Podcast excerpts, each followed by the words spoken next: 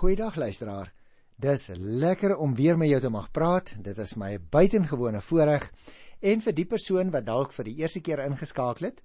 Ons is besig om die Bybel deur te werk van Genesis tot Openbaring. As jy nou vandag vir die eerste keer ingeskakel het, dan het jy waarskynlik nou nog nie gehoor van die beeld wat ek gebruik. Dit is soos 'n bus wat op 'n rondrit is. Hy loop as dit ware al in die sirkel. Dit beteken dat 'n mens eintlik enige stadium by enige bushalte kan opklim en jy ry verder en uiteindelik gaan jy weer by daardie bushalte gaan afklim. En dit is waarmee ons besig is in ons program. So die Here wil gaan ons so eers oor 2, 3 jaar aan die einde van Openbaring kom, want ons werk so boek vir boek. Eers 'n boek in die Ou Testament, dan een in die Nuwe Testament, en dit maak nie saak by watter bushalte jy opklim nie. Ons gaan wanneer ons so die Here wil dan uiteindelik klaar is met die program weer begin uitsaai van Genesis 1 vers 1 af. En daarom het jy niks gemis nie hoor. Jy kan vandag op die bus klim en dit gaan vir jou 'n wonderlike avontuur wees. Net soos vir ons wat al 'n lank ruk op die bus is, bid ek vir jou die seën van die Here toe. Verwelkom ek jou baie baie hartlik by ons program. En is dit regtig ook my gebed en die van ons hele personeel hier by Transwêreld Radio waar ons programme produseer dat die Here vir jou op 'n wonderlike manier sal seën. Kom ons begin dan vandag by die evangelie volgens Johannes se beskrywing, die 16de hoofstuk en ek gaan vandag begin by vers 16. Dit is deel van die derde en laaste groot gedeelte van die evangelie wat van Hosea 13 af tot aan die einde handel oor die afskeid van die Here Jesus. En hy is besig om in verskillende gesprekke met hulle oor verskillende fasette van sy weggaan te praat. En vandag gesels hy met hulle oor droefheid word blydskap. Hoekom? Want die wêreld is oorwin. Nou kom ek begin sommer dadelik by vers 16. Johannes 16:16. 16. Nog 'n klein rukkie. Dan sien julle my nie meer nie. En weer 'n klein rukkie. Dan sal julle my weer sien. Luisteraars, die Here Jesus verklaar in hierdie vers baie duidelik dat dit nog net wat hy noem 'n klein rukkie is. Né, nee, ons het die uitdrukking ook gekry in Hosea 7:33 eh en ook by Hosea 14 vers 19 so ietsie daarvan vermeld gekry. Nou hier sê hy dat dit nog net 'n klein rukkie is voordat hy weggaan. Nou dit verwys natuurlik na sy naderende dood.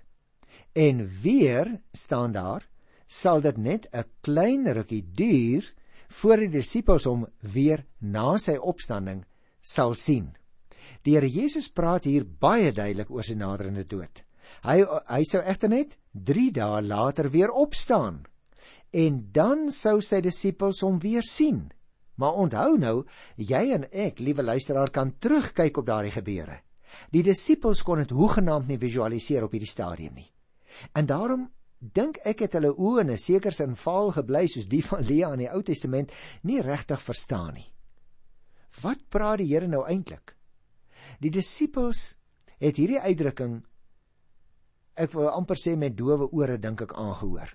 Omdat hulle nog duskant die kruis gestaan het. Jy en ek kan dan kyk en dit baie goed verstaan want ons staan aanderkant die kruis gebeure. Want eers sien hulle hom vir 'n klein rukkie en dan sien hulle hom nie en dan sien hulle hom weer vir 'n klein rukkie. Dit is baie duidelike heenwysing vir ons wat daarop terugkyk na die kruis gebeure. Vers 17. Party van sy disippels het hoef mekaar gevra, "Wat beteken dit dat hy vir ons sê nog 'n klein rukkie? Dan sien julle my nie, weer 'n klein rukkie. Dan sien julle my weer en ek gaan na die Vader toe." 'n Mens kan dit baie duidelik verstaan as jy in gedagte hou dit was voor die kruis gebeure, waarom hulle die uitspraak nie goed kon begryp nie. Die disippels redeneer nou met mekaar oor wat kan dit tog beteken as Jesus nou van hierdie sien en dan nie sien nie en dan weer sien praat. En nou verbind hulle dit interessant nê aan Jesus se vroeëre uitdrukking in vers 10. Ek gaan na die Vader toe. Hier in vers 18 brei hulle selfs daarop uit. Hulle sê baie pertinent vir mekaar, hierdie klein rukkie waarvan hy praat, wat beteken dit? Ons weet nie wat hy bedoel nie, het hulle gesê. Jy sien, die disippels kry nie 'n oplossing vir die betekenis van die uitdrukking 'n klein rukkie terwyl hulle met mekaar praat nie. Vir hulle wat nog dus kan die kruis staan, bly dit eenvoudige misterie. Hulle hulle kan dit glad nie verstaan nie. En nou baie wonderlik, die goeie leermeester, hy kom agter nê. Hulle verstaan nie. En nou praat hy weer 'n keer met hulle hier oor vers 19. Jesus het gemerk dat hulle dit vir hom wou vra. En hy sê toe vir hulle: "Praat julle met mekaar daaroor dat ek gesê het nog 'n klein rukkie, dan sien julle my nie. En weer 'n klein rukkie, dan sien julle my weer sien." Dis 'n wonderlike meer leermeester wat ons het broer en susters, 'n wonderlike God in wie ons glo. Hy het so begrip vir ons on, onbegrip en vir ons onvermoë. En daarom herhaal die Here Jesus nou nog 'n keer die vraag van die disippels oor die betekenis van 'n klein rukkie. En sodoende lyk dit vir my slaag die evangelieskrywer daarin om die hele saak ter wille van effek te dramatiseer in 'n sekere sin. Ook die leser is nou al baie gretig om 'n baie goeie antwoord daarop te kry. Nie meer in die duisternis te lewe wat hierdie wat hierdie vraag betref nie, nê? Nou vers 20. Dit verseker ek julle. Julle sal huil en treur, maar die wêreld sal bly wees. Julle sal bedroef word, maar die droefheid sal in blydskap verander. Dit is ook waar ek die opskrif hier geneem het vir vandag se program, nê? Julle droefheid sal in blydskap verander. Jy sien, liewe luisteraar, Wanneer die Here Jesus weggaan en sterwe aan die kruis, sal sy disippels hartseer wees. Terwyl die sondige en die ongelowige wêreld daaroor sal bly wees. Maar dit is juis die resultaat van die kruis wat die disippels se droefheid weer in blydskap sal verander wanneer hulle ontdek dat Jesus lewe. Vers 21 gebruik hy nog 'n beeld. Hy sê: 'n Vrou kry swaar wanneer haar tyd gekom het en haar kindjie gebore word. Maar wanneer die kindjie gebore is, dink sy nie meer aan die pyn nie. So bly is sy dat daar 'n mens in die wêreld gekom het. Jy moet nou mooi oplet hoe gebruik die Here Jesus hierdie mooi beeld. Hy sê die tydelike hartseer omdat hy nou weggaan, hulle besef nog nie regtig dat hy gaan sterwe nie. Die tydelike hartseer omdat hy weggaan, gaan in blydskap verander omdat hy lewe. En dit word nou vergelyk met 'n vrou wat 'n kind in die wêreld bring. Gedurende die hele geboorteproses kry sy swaar onder die pyn. Maar wanneer dit afgeloop is, dan is sy baie bly oor die nuwe lewe.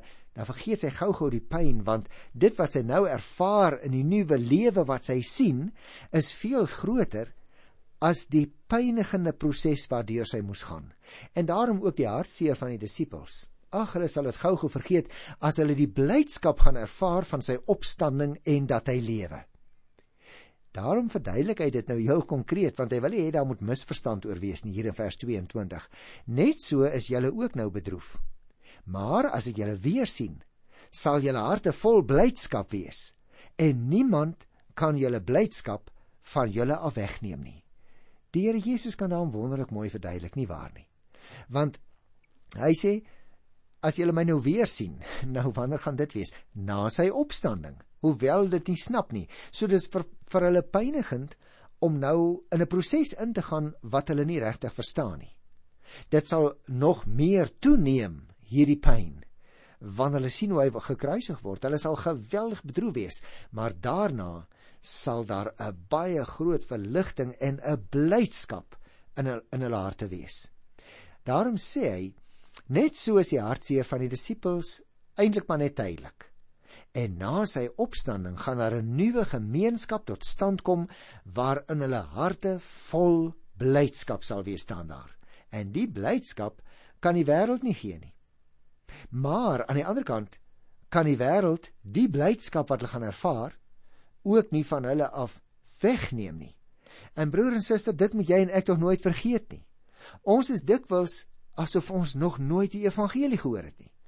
Ons is dikwels asof ons by die hartseer van die kruisgebeure wil stil staan.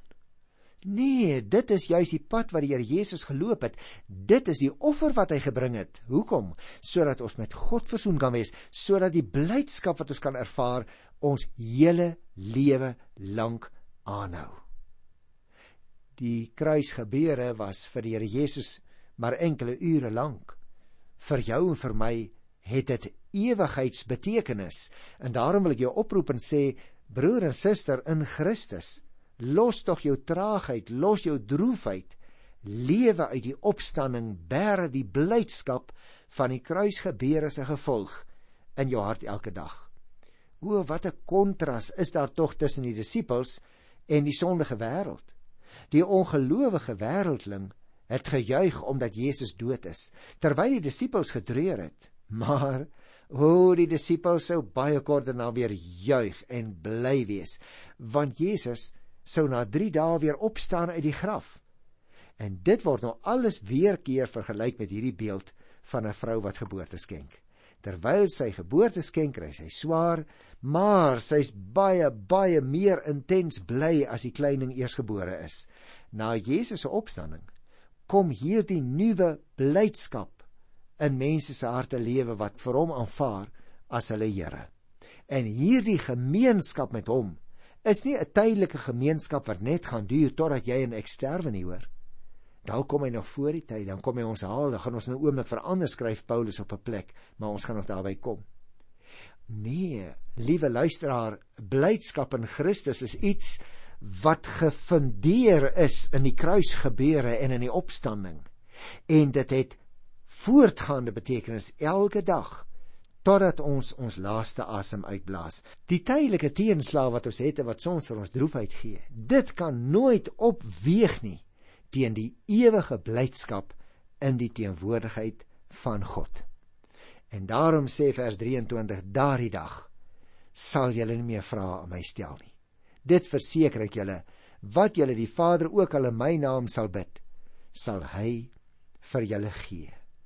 Jy sien, na die opstanding van die Here Jesus sal die disippels alles in perspektief verstaan. En daarom daarom sal hulle nie meer vra vra as gevolg van misverstand aan hulle kant nie. En in die nuwe era sal die Heilige Gees hulle ook in die volle waarheid lei. Ons het dit mos geleer toe ons Hoofstuk 14 vers 26 en ook Johannes 16 hier uh, in die vorige program by vers 13 bestudeer het. Jy sien, op grond van die Here Jesus se versoenende sterwe sal die Vader die disippels se gebede verhoor. Dit het Jesus self beloof in Hoofstuk 15 by vers 16 en hier herhaal hy dit nou. Luister na vers 24. Tot nou toe het julle nog nie in my naam gebid nie. Bid en julle sal ontvang sodat julle blydskap volkome sal wees. Tot nou toe sê hy vir hulle Nou ja, tot nou toe het die disippels net tot die Vader gebid. Maar eers na die opstanding sal hulle bid in Jesus se naam. Dit wil sê as hy gevolmagtigd is. Die opstanding verenig Jesus met sy Vader sonder om die verhouding met sy disippels te verbreek. En daarom hulle blydskap oor sy opstanding sal blywend wees en die disippels sal altyd daaraan herinner word deur die Heilige Gees. Hoe? wanneer hulle gebede verhoor word. Met ander woorde, liewe luisteraar, hier het ons 'n baie baie belangrike en interessante nuwe perspektief. Tot nou toe het hulle nie gebid in Jesus se naam nie, net in die naam van die Vader. Maar later gaan hulle begin bid in Jesus se naam, ook eers later natuurlik want dan sou hulle werklik besef wie hy is en dat dit waar geword het wat hy beloof het dan sal ek die Vader vra en hy sal die Heilige Gees in my naam stuur. En dit verander Christus gelowiges se lewe heeltemal. Jy en ek bid nie tot 'n God wat nie kan hoor nie. Jy en ek bid nie eers selfs maar net tot 'n God wat ons nie help om te bid nie. Want die Heilige Gees help ons. En daarom kan ons nou ook in die naam van die seun bid. Het jy al oor gedink luister, sê net maar iemand wat nog nooit 'n erediens bygewoon het nie. Sê net maar iemand wat die Here Jesus nie ken nie, stap van buite af in in 'n erediens. Nou luister hy na die name wat gebruik word vir God. Vader, Here, Gees, Jesus. Het jy al ooit gedink hoe verwarrend dit kan wees? vir iemand wat dit nie ken nie.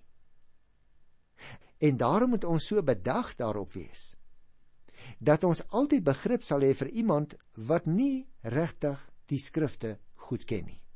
moet ons dit herhaaldelik verduidelik. Word dit eers later soms vir mense duidelik dat ons verskillende name vir God kan gebruik, né? Nee?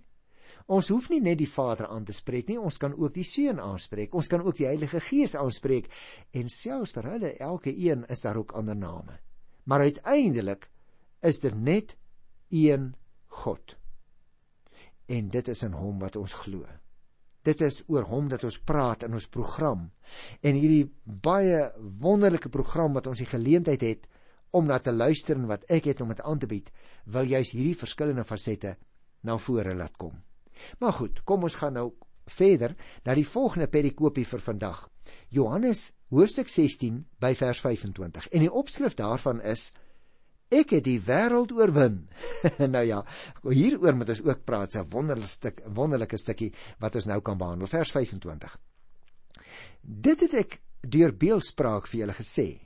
Daar kom 'n tyd wanneer ek nie meer deur beeldspraak met julle sal praat nie, maar julle regheid van die Vader sal vertel. Nou hoekom sou Jesus dit sê? Jy sien weer eens, voor sy opstanding het Jesus sy disippels deur middel van beeldspraak onderrig, soos byvoorbeeld uh die vorige verse wat ons nou vandag gedoen het van die mamma wat geboorte gee. Nou nou het dit natuurlik vaag gebly en dit moes nog altyd verduidelik word elke keer. Maar nou sê hy na die opstanding sal die disippels 'n direkte en 'n reguit kennis van die Vader opdoen op grond van die onderlinge inwoning wat tot stand gekom het. Met ander woorde ook juis wanneer luisteraars die Heilige Gees kom en hierdie dinge aan ons verduidelik, dan sal hulle ook baie meer verstaan van die heilswerk van die Here Jesus en ook van die Vader. Vers 26 sê: Van daardie dag af sal julle in my naam bid en hoef ek nie julle voorspraak by die Vader te wees nie. Jy sien dan, dit wil sê van daardie dag af sal die disippels bid op grond van wat Jesus gesê en gedoen het vir die verlossing van die mens. En op grond van Jesus se priesterlike werk het hulle dan direkte toegang tot die Vader. As dit nie in die Bybel gestaan het nie, liewe luisteraars, sou ek dit nie wou geglo het nie. Jy sien ons het nie meer soos in die ou bedeling in die Ou Testament 'n priester nodig tussen my en God nie. Wat as dit ware as middelaar moet optree nie. Nee. Nee op grond van wat die Here Jesus op hierdie stadium op die punt gestaan het om te doen, naamlik sy kruisiging, sy soenoffer, sy opstanding, sy gaan sit aan die regterhand van die Vader op grond van al daardie heilswerk van hom, het jy en ek nou direkte toegang ook tot God die Vader. Die troonsaal van die hemel het vir ons oopgegaan. Dit is asof ons 'n direkte verbindingslyn het. 'n Lyn wat nooit beset kan wees nie. Ons het iemand wat vir ons intree die seun. Maar ons het ook die Heilige Gees en die lyn, die lyn is nooit beset nie. Ons kan nou ook die Vader direk aanspreek sonder iemand anders as mens wat tussen ons en die Vader hoef te staan. Vers 27 sê baie duidelik want die Vader self het julle lief omdat julle my liefhet en glo dat ek van God gekom het. Die Vader sê deur Jesus nou, het die disippels lief omdat hulle in 'n geliefdesgemeenskap met Jesus is en sy goddelike oorsprong aanvaar het. En dit was natuurlik anders as die klomp Jode wat sy goddelike oorsprong nie wou aanvaar nie. Nie wou aanvaar dat hy self God is en natuurlik ook sy nog onthou liewe luisteraar by geleentheid van sy doop nie. Daar is dus geen onsekerheid wie hy is nie. Nou luister na vers 28. Ek het van die Vader gekom en ek is hier in die wêreld. Nou verlaat ek weer die wêreld en ek gaan na die Vader toe. Dit mag miskien heeltemal onmoontlik klink vir 'n ongelowige. Luisteraar, weet jy, dit mag ook selfs onmoontlik klink vir 'n gelowige Christen.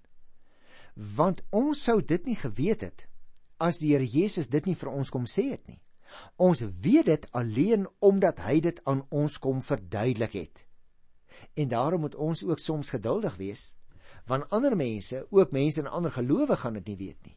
Dat ons vir hulle op grond van die woord mag sê en teenoor hulle mag getuig. Ons ken die Vader net omdat Jesus Christus hom aan ons kom bekend maak het. Want dit word ook herhaalde kere gesê as iemand my nie ken nie, kan hy nie regtig die Vader ken nie. Met ander woorde, kom ek sê dit nog 'n keer andersom. God se handelinge in Christus konsentreer volgens die Johannes Evangelie op twee sentrale momente, naamlik Jesus se menswording. Ons het dit hier gekry in vers 28. Ek het van die Vader gekom maar dit konsentreer ook op sy lyding en sterwe. Ek gaan nou weer die wêreld verlaat, sê hy hier in vers 28. Nou in vers 29 reageer die disippels. Nou 'n mens kan baie goed verstaan. Die disippels sê toe: "Kyk, nou praat u reguit en gebruik nie beeldspraak nie." Met ander woorde, hulle sê vir hom: "Leermeester, nou begin ons regtig verstaan wat u vir ons wil sê. En nou is ons tevrede dat u reguit met ons praat en nie meer deur va en onduidelike beelde wat ons nie regtig verstaan het nie. Vers 30. Nou weet ons dat u alles weet en niemand hoef u verder uit te vra nie. Ons glo nou dat u van God gekom het. Nou hier spreek uh hierdie disippels natuurlik hulle volle vertroue uit in die Here Jesus deur te sê dat hulle weet hy weet alles en dat hy van God gekom het. Jy sien luisteraar, die disippels het eers op hierdie punt nou werklik verstaan en dit geglo wat Jesus vir hulle sê, want hulle kon sien dat Jesus alles weet. Dat hulle tweedens daarmee erken en bely dat hy van God afkom. Jy sien, hulle geloof was egter maar die eerste tree in die rigting van die nuwe geloof wat hulle sou ervaar nadat die Heilige Gees in hulle gekom het. Daarom is ons hier eintlik by 'n baie interessante en 'n kritiese punt in die verstaan van ons eie geloof. Ons aanvaar hierdie dinge nie omdat ons self dit ontdek het nie maar omdat Jesus wat van die Vader af gekom het en wat alles weet dit vir ons sê. Anders sou ons dit ook nie geweet het nie. Luister na vers 31. Daarop sê Jesus vir hulle: "Glo julle nou?